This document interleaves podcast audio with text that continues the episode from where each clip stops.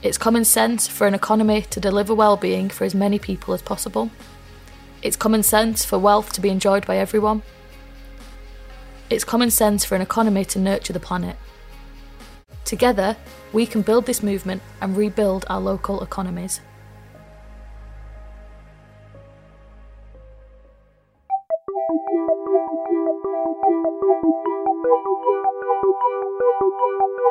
There is no alternative. There is no alternative. There is no alternative. No, no, no.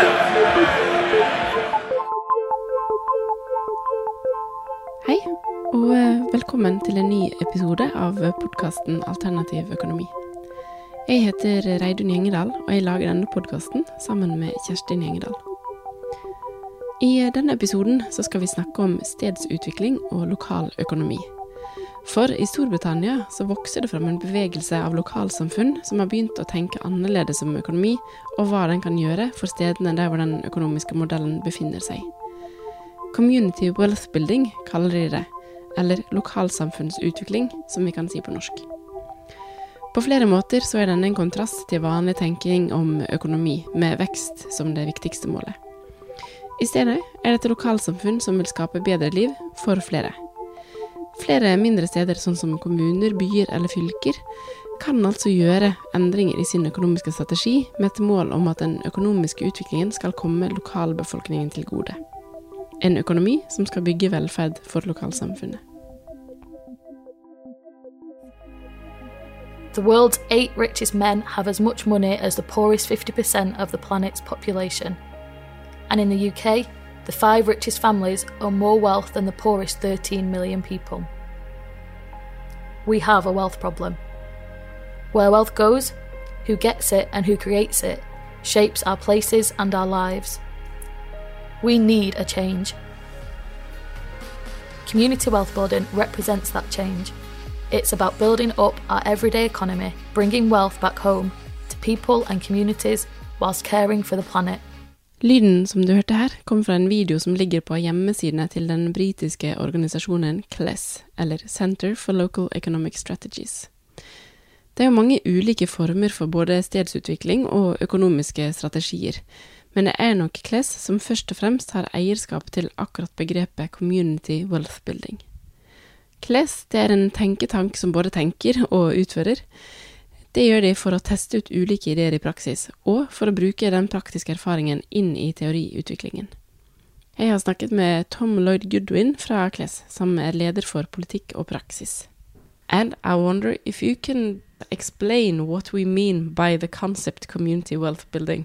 When we talk about community wealth building, we're really talking about um, a new or progressive approach to economics and to economic development that's really about I suppose trying to change the way that our economies have, have come to function um, by aiming to retain more wealth and opportunity that's that's produced in your average economy for the benefit of, of, of local people. So this contrasts to kind of the traditional or current economic model that we have at the moment, where a lot of wealth or economic output that's created is generated through things like property ownership and exchange, um, regeneration of our towns and cities that's very much based on property development, and also a kind of you know business transactions that are dominated by large companies who tend to extract wealth for the benefit of distant shareholders.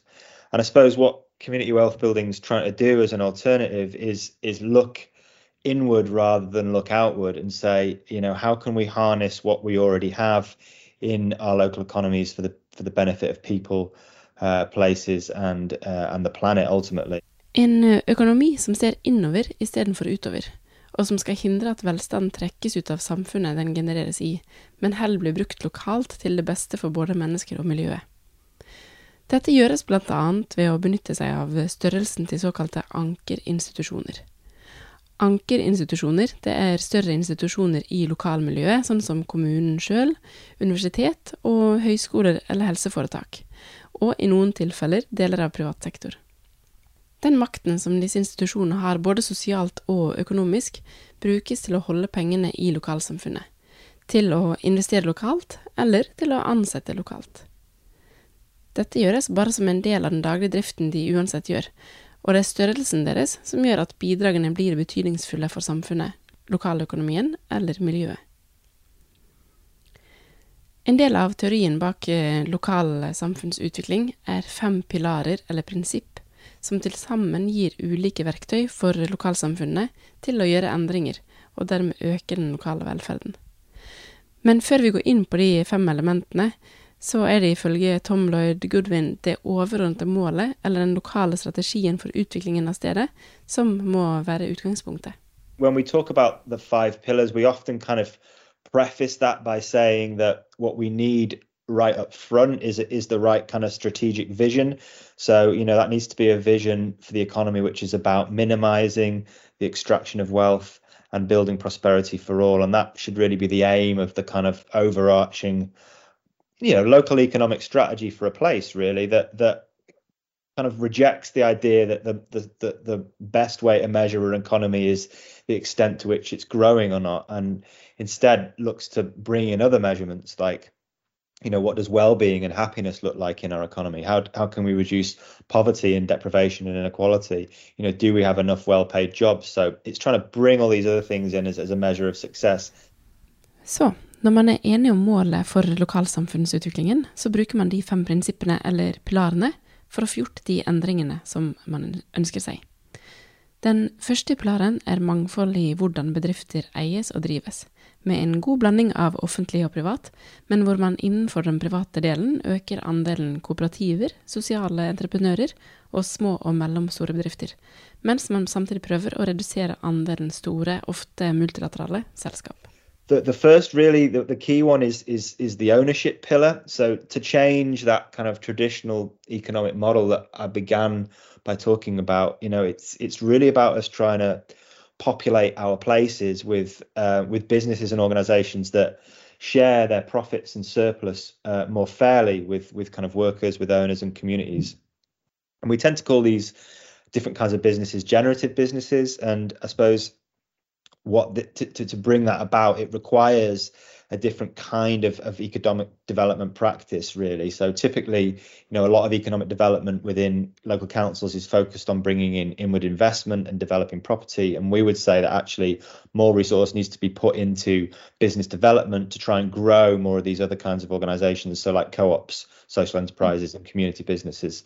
And also you know smaller smes as well so small medium sized enterprises that okay, they might want to make a profit, but they're also thinking about workers' rights and the environment in conjunction. So a mixture of businesses really. And, and so the ownership pillar is about trying to move beyond just having large organizations that extract wealth and, and really getting into yeah, this broader spectrum of organizations. Den neste pilaren handler om å bruke pengene lokalt, særlig ved hjelp av ankerinstitusjonene som av sin størrelse har et høyt forbruk og dermed muligheten til å utgjøre en forskjell også lokalt.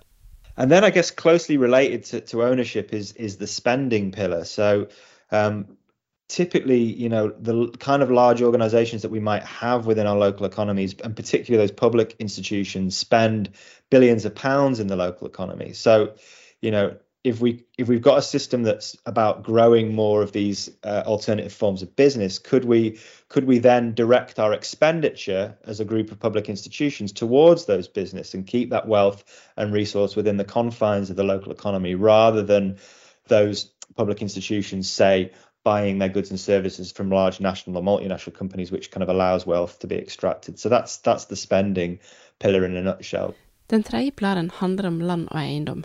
Både hvem det er som eier det, og hvordan man bruker det.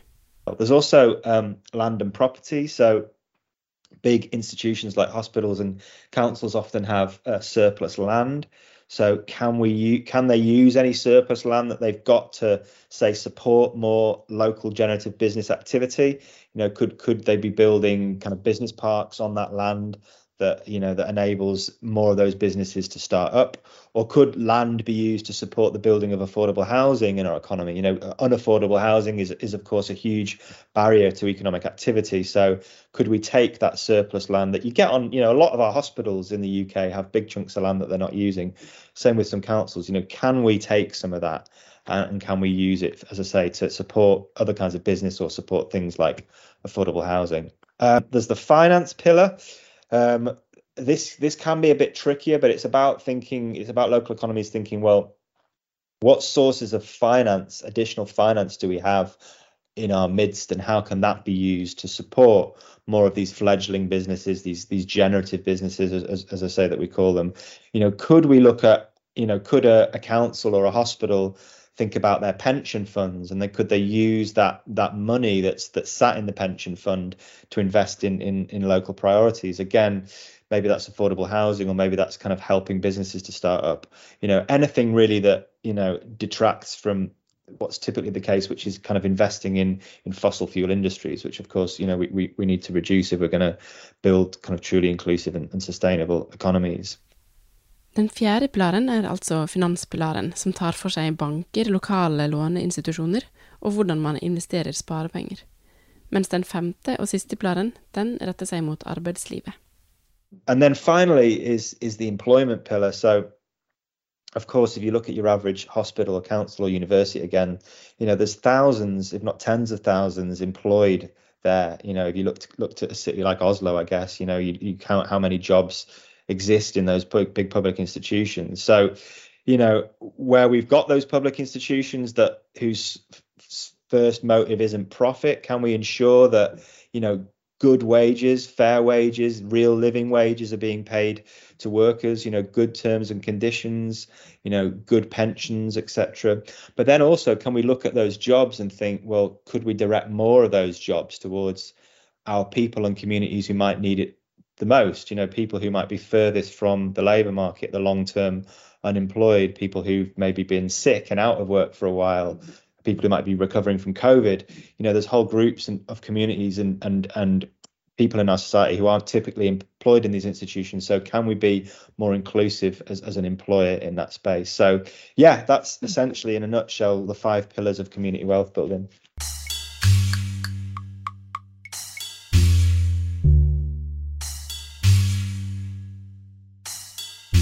Vi beveger oss fra Manchester i England, hvor kontoret til Kless ligger, og til den skotske regionen Fife. I Skottland så har faktisk myndighetene bestemt seg for å prøve ut dette konseptet med community wealth building, eller da lokalsamfunnsutvikling, i praksis, og skal gjøre det i seks utvalgte områder. Fife er et av disse, og der har jeg snakket med Gordon Mole, som leder arbeidet med næringsliv og arbeidsliv i Fife. So, Fife Council has decided to work on community wealth building as an economic model. Why is that?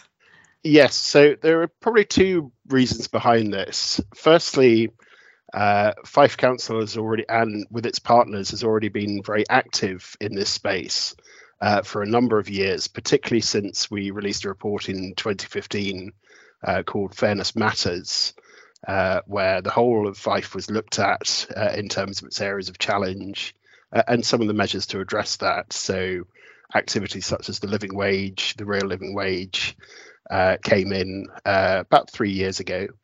Uh, and uh, we've taken other measures uh, which would now be branded as community wealth building. Um, but particularly the driver for this was the refresh of what we call the plan for Fife, which is the local outcome improvement plan, um, and this was during the time of uh, the pandemic or recovering from the pandemic. So we were really thinking about how we wanted to recover economically, uh, socially, and as communities uh, from the pandemic. Uh, and so we've been active as uh, a brand of community wealth building, if you like, for uh, around two years now. But the legacy goes much, much further back in Fife. Det var særlig lokalpolitikerne som var interessert i å bruke konseptet lokalsamfunnsutvikling, når de skulle legge en plan for utviklingen av Fife. Og så i løpet av seks måneder så ble det laget en plan med støtte fra både Kles og fra de skotske myndighetene. So we focused on the across the five pillars uh, of community wealth building uh, and translated that into a, a relatively short-term delivery plan uh, which has been agreed by the anchor institutions in Fife. Uh, so we're looking at what we can uh, do collectively and in a relatively short time frame, uh, and also looking at those challenges uh, that present either a, a longer term issue or require some other level of intervention. So that's really thinking about you know what levers do we have at hand as organisations to affect change uh, in the community wealth building space. So, to give you a couple of examples, we looked at uh, local procurement and community benefits, uh, and for the first time, we mapped uh, what our local spend looked like. I uh, Five så begynte de med å se på utgiftene til de lokale ankerinstitusjonene, som inkluderer de lokale myndighetene, høyskolen og helsevesenet. Etter en gjennomgang og en satsing de siste to årene, så har de gått fra å bruke 39 av utgiftene sine lokalt, til i dag å bruke 45 You know, that, you know, we would like that number to be higher uh, as we move forward. Uh, so within that, we're thinking around how we maximize community benefits, how we maximize supply chain opportunities, uh, so more meet the buyer events, but also adapting our contracts. So contract values are less off-putting potentially for local suppliers to engage, and also thinking about how we change our contract procedures to include at least one local firm uh, in tenders of substantial scale. Uh, so, so that's one area of work. Et annet område som de jobber med i Fife, er å overføre eiendom og land som det offentlige eier i dag, til eh, lokalsamfunnene. Uh, so the public sector estate uh, in Fife owns a lot of property, land, other assets. Uh, and while over probably 10 or 15 years, there's been a community asset transfer process for community groups who want to take on things like the running of libraries or um, taking on you know buildings or land to use for community purposes.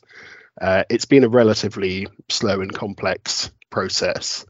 Uh, so we've done a full asset mapping uh, now. So now we know, you know, all of the public sector assets in Fife. The next step is then how do we simplify that process hmm. and how do we also build some of that community capacity around communities being able to take ownership uh, of, of, some of these. And we're testing that example in one local place, which is the town of Kirkcaldy, uh, and evaluating that success uh, before we roll it out further. And what is exactly the motive for that? I mean, moving assets from the public sector to local communities. What is the motive and what's the potential goal by doing that? Yeah. So, so it's it's partly around uh, a kind of model of community empowerment and devolution. We've had uh, powers under the Community Empowerment Act uh, for some time now, um, but they haven't really been used at scale in Fife. Uh, and partly that's around, uh, as I say, communities' capacity to actually step forward and say, we want to do this. But it's also set against the background of, you know, is it uh, right that, you know, the public sector institutions own so much land and assets, not all of which we can, you know, effectively manage and maintain, on reducing budgets. So it's not about passing the problem to communities and saying this is yours now. It's about saying if you know if these services are important to you, or this land can be used for community growing, or you could find a different purpose for this redundant asset. You know, we want to talk to you, we want to engage with you, uh, and we want to find a solution that works for you as a community.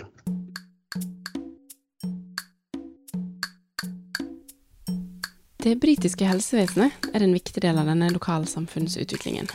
Når jeg spør Tom Lloyd Goodwin konkret om det er noen eksempler på at arbeidslivspilaren fungerer i praksis, så er det faktisk helsevesenet han trekker fram, eller NHS, som han bruker som forkortelsen på National Health Service.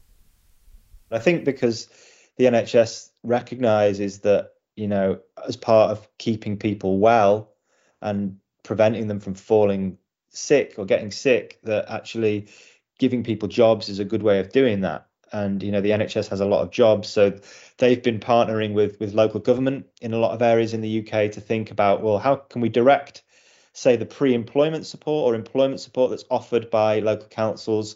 Can we direct that and tailor that so that it, it speaks to the specific needs of people in our most, deprived communities? And then actually could we reserve some of the jobs in our hospitals for the people who've been on those pre-employment training programs? And we're seeing some really good activity there. So some nhs trusts are starting to reserve significant portions of jobs and directing those towards those communities. So one of our nhs trusts called the northern care alliance is, is aiming to reserve a thousand of its entry level jobs each year for people who've been on those pre-employment training programs from those deprived communities. And they've got actually got rid of advert and interview processes like the normal way of recruiting people to get rid of those barriers to helping those people into work. So yeah there are real examples of that happening on the ground in practice in the UK at the moment Og et annet eksempel på å tenke nytt om rekrutteringsprosesser for å kunne tilby jobb til flere, det er nettopp Fife i Skottland. another area that we've looked at is around progressive recruitment. So, you know, how do we match people into? So, we, have traditionally done a lot of work in employability and skills. You know, working with those furthest from the labour market, and that's that's worked. You know, well. We've got good numbers, um, but how do we actually reframe and live that in practice? So, uh, the council was one of the first uh, organisations in Fife to say, you know, rather than go through the traditional you write a CV, you have an interview. Hmm. Um, you know, we we've got jobs we need to fill. Um, we know there are people who are looking for opportunities. How do we cut that little bit out of it and say, you know, how do we match these people um, better to the roles in a more inclusive way? So that's involved, you know, almost kind of ripping up bits of the rule book around uh, recruitment. Again, at relatively early stage, but we're looking at around uh, 100 opportunities in, in all as a as a test of that. Uh, and that's been really well brought into uh, from our internal colleagues in human resources and uh, and other parts of the council. Uh, so that's one example where I think we're making good progress. Den engelske byen Preston er ofte trukket fram som stjerneeksempelet på lokalsamfunnsutvikling. Preston-modellen er et godt eksempel på hva som kan skje der hvor politikerne både er modige og kreative nok til å tenke og handle annerledes. Og Preston er nok en by som er et forbilde for flere andre steder som har begynt å tenke på alternativer, og som nå oppsøker eller ønsker å bruke Center for Local Economic Strategies i sitt arbeid med å lage nye strategier for lokalsamfunnsutvikling. I think you know it's fair to say the, the Preston model really caught the eye of the media in the UK, and it, it kind of it, it it got quite a lot of exposure. and that led more and more areas to kind of come and want to work with us. Um, yeah, so it's really developed in that that way. But I think where we are now with it is that it started as kind of quite a niche thing, I suppose 10, 12 years ago, where we were thinking about it maybe just in terms of what procurement departments in local authorities could do or in councils could do, and it's now become something that's in some areas it's becoming you know like like with Fife and Islington and Carmarthenshire in in southwest Wales Newham in London Wigan in the northwest it's starting to become more of the kind of cornerstone of of of, of um, a place's local economic strategy. And you know I think we're starting to see more and more appetite actually up and down the UK places getting to the point where they're saying yeah we we've we want to we want to redraft our economic strategy now it's time to refresh it we we know that growth led approaches aren't working. We've we've heard about community wealth building. We'd like to incorporate more of that into our economic strategy. So that's kind of where the focus of the work is going, I think, in the UK. Mm. And after all this time, can you point at any concrete results? I mean, you've been mentioning what has been been what is being done, but are there any concrete results that you can? Yeah, I mean, it's it is hard in, in with all of this because you're a lot of these a lot of these challenges are like what I suppose what you might call multivariant problems is there's a lot of variants clashing into each other. You know we you know we we often critique growth and say well growth hasn't delivered on poverty deprivation and inequality but you know to get scientific about it is that a causal relationship it's difficult to prove these things but actually we are doing some work in um, with the university of liverpool at the moment where we're retrospectively measuring the impact of those community wealth building interventions in Preston. And with the kind of the early research that's coming out of that is showing that in conjunction with those um, interventions taking place, we've also seen mental health improve in that area. Um, now, again, we can't necessarily say that it's that those interventions have caused it, but there's a strong correlation between the two. And you know, ultimately, in policy making, you know, you're never going to get the complete truth, right? You've got it's about getting enough evidence to act, and I think, as we would say it, as we always we would see it, given the impact that these that we know that things like jobs, prosperity, you know a sense of agency you know with the, you know involvement in in something involvement in the economy. We know we know it to be true that these things impact on what we call the social determinants of health. So okay we might not be able to say exactly how they how they improve those things or or necessarily say there's a direct causal relationship but you know that if you do if you make improvements in those things that that that the social determinants of health will improve. And you know so i think that's that's evidence enough at least for us and for many areas, that, that actually these interventions are worth backing.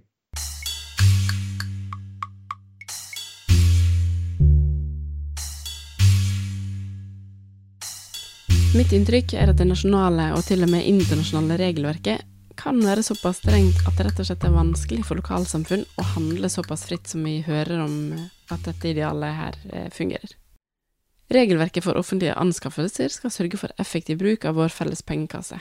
Det offentlige har også krav til ansettelser og prosesser for dette. Så da lurer jeg på, hvilke handlingsrom har man som lokalsamfunn? Yeah, no, I think it's a really good question. Uh, but I think we have leadership buy in, or getting strong leadership buy in for this is, you know, what's the risk if we do do this? Uh, and what are we losing if we don't do this? So, um, you know, while there's strong procurement legislation nationally, uh, actually, you know, the intention isn't to say you can't, you know, use local suppliers. You, you know, you can't encourage local people uh, to to have jobs in these in these businesses. You know, that that's not what legislation intends. So how do we kind of reframe some of that to say actually, you know, we're still complying with our best value rules, but we're also looking at, you know, this is a really important policy initiative for us, uh, and that's where we're building in things like community benefits uh, and making those linkages to community organisations to say there's there's an obvious match here. The next stage for me is, you know, how do we support suppliers who have a track record of delivery to show us that track record when we're making some of those procurement decisions. So uh, there's there's a lot happening in that space, and I, I don't just want to focus on procurement because obviously, as I say, there are five pillars here, uh, and I could talk about access to finance and the work we're doing with credit unions. So, you know, there, there are some quick wins, there are some medium wins, and there will probably be some areas where we need to continue to push on. You know, what are the boundaries that we can reset uh, to, to to help bring this to the fore? Uh, and that's where looking at models elsewhere is really helpful. You know, what have others done? What have what challenges have they had? Mm. You know, are they going to get a legal challenge if they say no, we're giving it to a local supplier, for example? You know, in theory, you might want to say that oh, let's take all of the public expenditure from all of our public institutions and direct that towards as many of our local businesses as we can. But what that clashes into quite often is is kind of national regulations as, as you kind of alluded to. So you know the nhs for example is um, there's a lot of there's a lot of red tape around the way in which expenditure in the in the nhs has to take place because you know there's it's a public service and at, at the highest level they're, they're concerned with trying to make sure that's as, as, as cost effective as it can be. And they and therefore as a as a result of that they're not necessarily thinking about those wider benefits that you might get. And that that affects and impacts the ability of of the NHS for example to kind of bring its expenditure into some of those interventions. But you are seeing pioneering trusts on the ground starting to push against some of that red tape and finding ways to actually say well okay maybe there's certain things like I don't know, pharmaceutical drugs and medical equipment that we might not be able to buy locally. But, you know, we could buy our food locally, we could buy our laundry and linen services locally, and there's lots of opportunities for us to do that. So yeah, there, there is there is red tape in the way, um, but there are kind of, you know, where there's the right intent and that recognition that, you know, public institutions have these wider responsibilities. There's the way I think of of starting to um, I suppose get around that.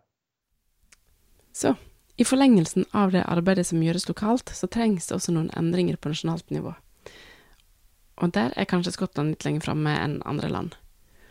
I episode nummer 15 så snakket vi om Alliansen for trivselsøkonomi, eller Wellbeing Economy, som er det engelske begrepet. Skottland er et av de landene som er med i alliansen, og den skotske regjeringen sier at de eh, vil ha et økonomisk system som setter livskvaliteten til både dagens og kommende generasjoner i sentrum. I utgangspunktet så høres dette ut som noe som går hånd i hånd med nettopp lokalsamfunnsutviklingen vi har hørt om. Og dette er noe jeg må spørre Gordon Mole i Fife om. Can you tell me or describe how this community wealth building connects with well-being? Yeah. So so again, I think this comes strongly back to the national strategy for economic transformation, where you have that focus on you know well-being and sitting below it, you know, fairer, greener, uh, as probably the two kind of key measures that that we engage in around that. Um, uh, and as I say, I think community wealth building is it's not expressed in the document in every section, but it's clear that that is the intent. Uh, and I think you know the fact that we have a Scottish government minister with community wealth building in their title uh, is is is a big step forward in terms of you know signalling that intent from from, from the government. So there's a very strong link, or we're seeing a strong link locally. Uh, between well-being in its widest sense, and you know this is why the NHS, uh, our partners as anchor institutions, are looking at you know a well-being strategy rather than a you know health strategy. It's that move from uh, cure to prevention or crisis management to prevention, uh, and that's where it ties in with a lot of other themes that we're also working on around tackling poverty and preventing crisis, what economic recovery looks like, uh, our climate uh, emergency, uh, and the work we need to do around that. Uh, so within our framework, community wealth building is that underpinning theme that sits across all of those areas, all of which build up to you know, a well-being economy in its widest sense, where you know we're seeing that that fairer, wealthier, greener uh, approach coming forward, you know, nationally and locally. Uh, and part of that is around, you know, really empowering, as I say, communities to to take action themselves or be able to take action themselves. So we kind of move away from that, uh, you know, traditional model of we decide what the services are and you know you then receive the services we want you to receive to areas like co-production uh, co-design you know these are all key markers for me on what a successful well-being economy looks like we find ourselves in difficult times where we have the increasing costs of basic things like food and energy um, do you think that the community wealth building could provide a useful alternative that could also guide us through these times of crisis or even prevent them in the future? Yeah, I do. I mean, it, and it relates back to what I was saying just about you know what how how these interventions play out in in the real world. You know, I think that it's really difficult at the moment with the cost of living crisis, and and as we've seen in the UK, we've seen the government act right in that they've they've put that cap on energy now arguably, you know, many would say that that's they've not gone far enough. If you you look at the predictions, and because energy is already so expensive in the UK, the predictions are that, that a million more people will be in poverty by the end of the winter in the UK as a result of energy prices being the way that they are. But what it has done, I think, is it's we were we were facing an even more dire situation, you know, what people were calling like a once in a generation increase in poverty. I mean, a million people's already pretty shocking, but it's better than 5 million, you know, which oh, I'm not saying that was the exact figure, but it was substantially higher than the one, the 1 million. I've not got the exact statistic in front of me, but, you know, what this points to, you know, in, in terms of our analysis and, you know, other kind of heterodox economists would, would, would cite the fact that, you know, what's driving this is not the war in Ukraine. That might be making it worse, right? It might be kind of adding to inflationary pressures. But what also adds to those inflationary pressures is is large companies using it as an opportunity just to hike up prices. You know, they use inflation as an excuse to say, well, we'll just put our prices up. And you know, it's not because there's a genuine shortage. They're just using it as an opportunity to to effect, effectively rip people off and make more profit for shareholders. So the fault of of a lot of this is is the very economic model again you know and if we had less of those kinds of organizations in our society then it would be for the better of people place and planet. And that's that's the aim of what we're trying to do of course with community wealth building is is build economic resilience by transforming the ownership profile as much as we can of our local economy so that it's not these large companies who are hiking prices, who are adding to inflationary pressures, who are you know effectively ripping off local people, and we're trying to we're trying to get in different kinds of, of businesses that are as I said before, concerned not just about profit, but thinking about workers' rights and the environment in conjunction with that as well. So I think that, yeah, community wealth building, it's not going to fix it in the short term, but you know, in the in the medium to long term, you know, the way that we stop these crises from happening in the future, you know, not to mention the climate crisis, which is of course driven by, you know, that addiction to kind of fossil fuels. You know, if we're going to change all of these impending and con- I suppose um, what's the word conflating crises that we're seeing at the moment. Um, you know, we need to have a different kind of economic model, and that's essentially the promise that that community wealth building offers. Hmm. Yeah, that makes me move to the last question, which is, I I heard you using the term common sense economics talking about community wealth building. Can you Yeah. explain that? Yeah, I can. I think it's it's I mean it's it relates to the idea that we would see it we would see it as common sense, right? That the economy should be more than just a wealth generating system for an elite group of people. But you know, as it stands at the moment, as I say, the reason why you know we e- economic growth might have doubled in a country like the UK over the last 30 years, but that you know we've still got those shocking statistics around poverty, deprivation, and inequality is because our economy isn't working hard enough for us. You know, the majority of people, it's not delivering those wider social, economic, and environmental outcomes that that that that economies could do if they were run in a different way. So for us, yeah, we reason we say it's it's common sense is that you know why wouldn't you want it to be that way unless you're kind of um, a wealthy, selfish individual who who doesn't believe in in society. This is common sense economics. It's common sense for an economy to deliver well-being for as many people as possible. It's common sense for wealth to be enjoyed by everyone. It's common sense for an economy to nurture the planet.